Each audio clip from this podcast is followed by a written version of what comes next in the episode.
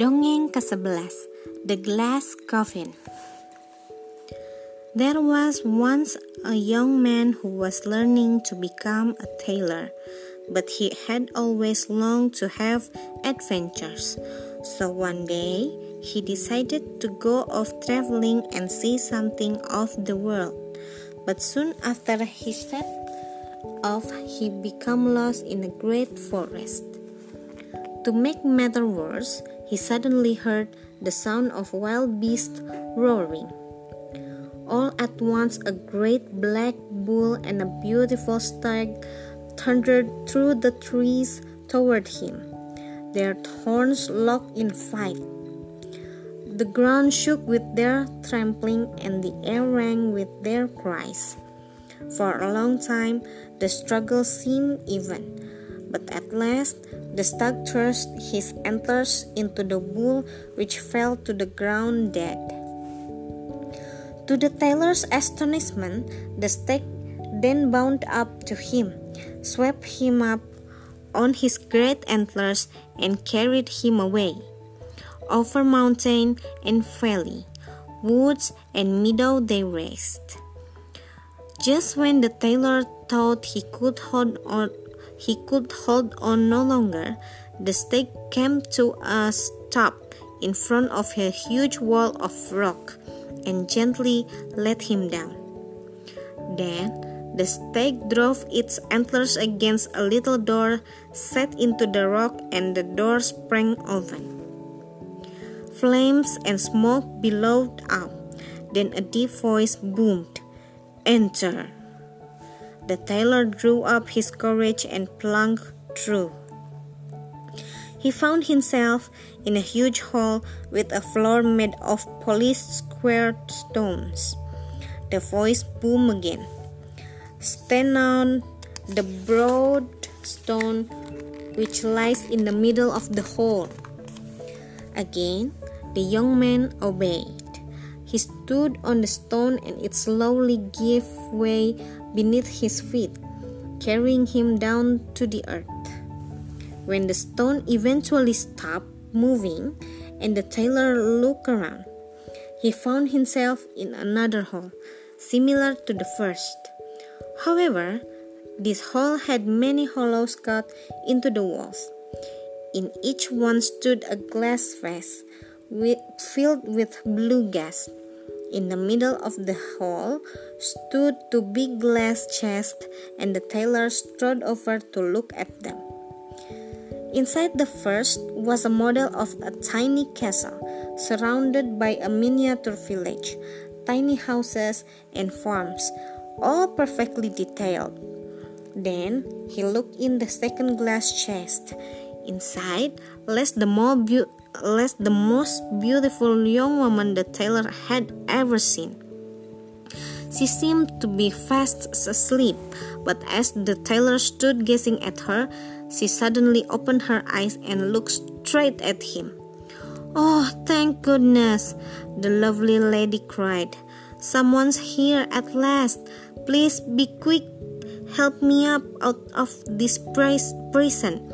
All you have to do is push back the bolt of this glass coffin, and I will be free. The young tailor hurried to release her. Oh, thank you, the beautiful young woman cried, sitting up and stepping out of the glass chest. To the tailor's delight, she flung her arms around him and kissed him.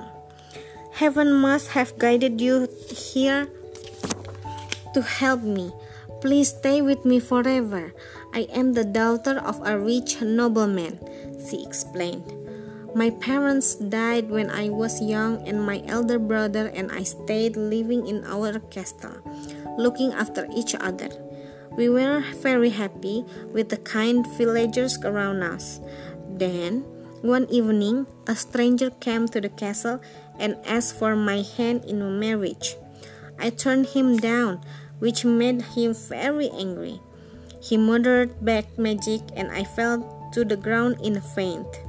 When I came to, I found myself in this cave in the glass cavern. The stranger, and by now I had realized he was a wicked magician, appeared again and said he had changed my brother into a stag. He had shrunk my castle and village into a tiny model and set in set it in the other glass chest, and he had turned all my people into smoke and trapped them in a glass bottle.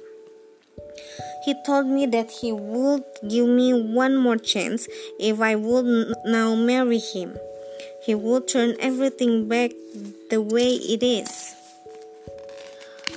All he had to do to break the spell was to get everything out of the glass, but I couldn't say yes to such an evil monster, so he vanished, leaving me here in my prison. I fell into a deep, enchanted sleep, but at last you have arrived and set me free. Now, please help me lift the glass chest with my castle in it to on to that broad stone. The young tailor did so at once. Immediately, the stone began to rise up and up until they were in the higher hall and could carry the chest out into the open air. Here, the young woman opened the lid. It was amazing to watch the castle, houses, and farm quickly grow, stretch themselves, and return back to their normal size and places. After this, the young woman and the tailor returned to the lower cave and fetched all the glass bottles. Nervously, the lady opened them one by one. The blue smoke rushed out and instantly changed into living men, women, and children. As they hugged each other, laughing delightedly, and handsome young men come striding out of the forest. The beautiful noble woman gasped, and tears of joy sprang to her eyes. It was her brother. They ran to each other at once, and the brother explained that the evil magician was gone forever. He had transformed himself into a bull whom, as the stag, he br- the brother fought and killed. He had then brought the young tailor here in the hope that he would release his sister from the glass coffin. As the tailor had done so, the brother had been set free from his enchantment too.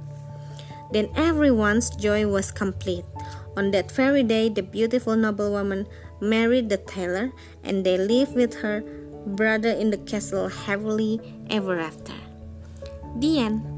Terima kasih telah mendengarkan. Selamat malam.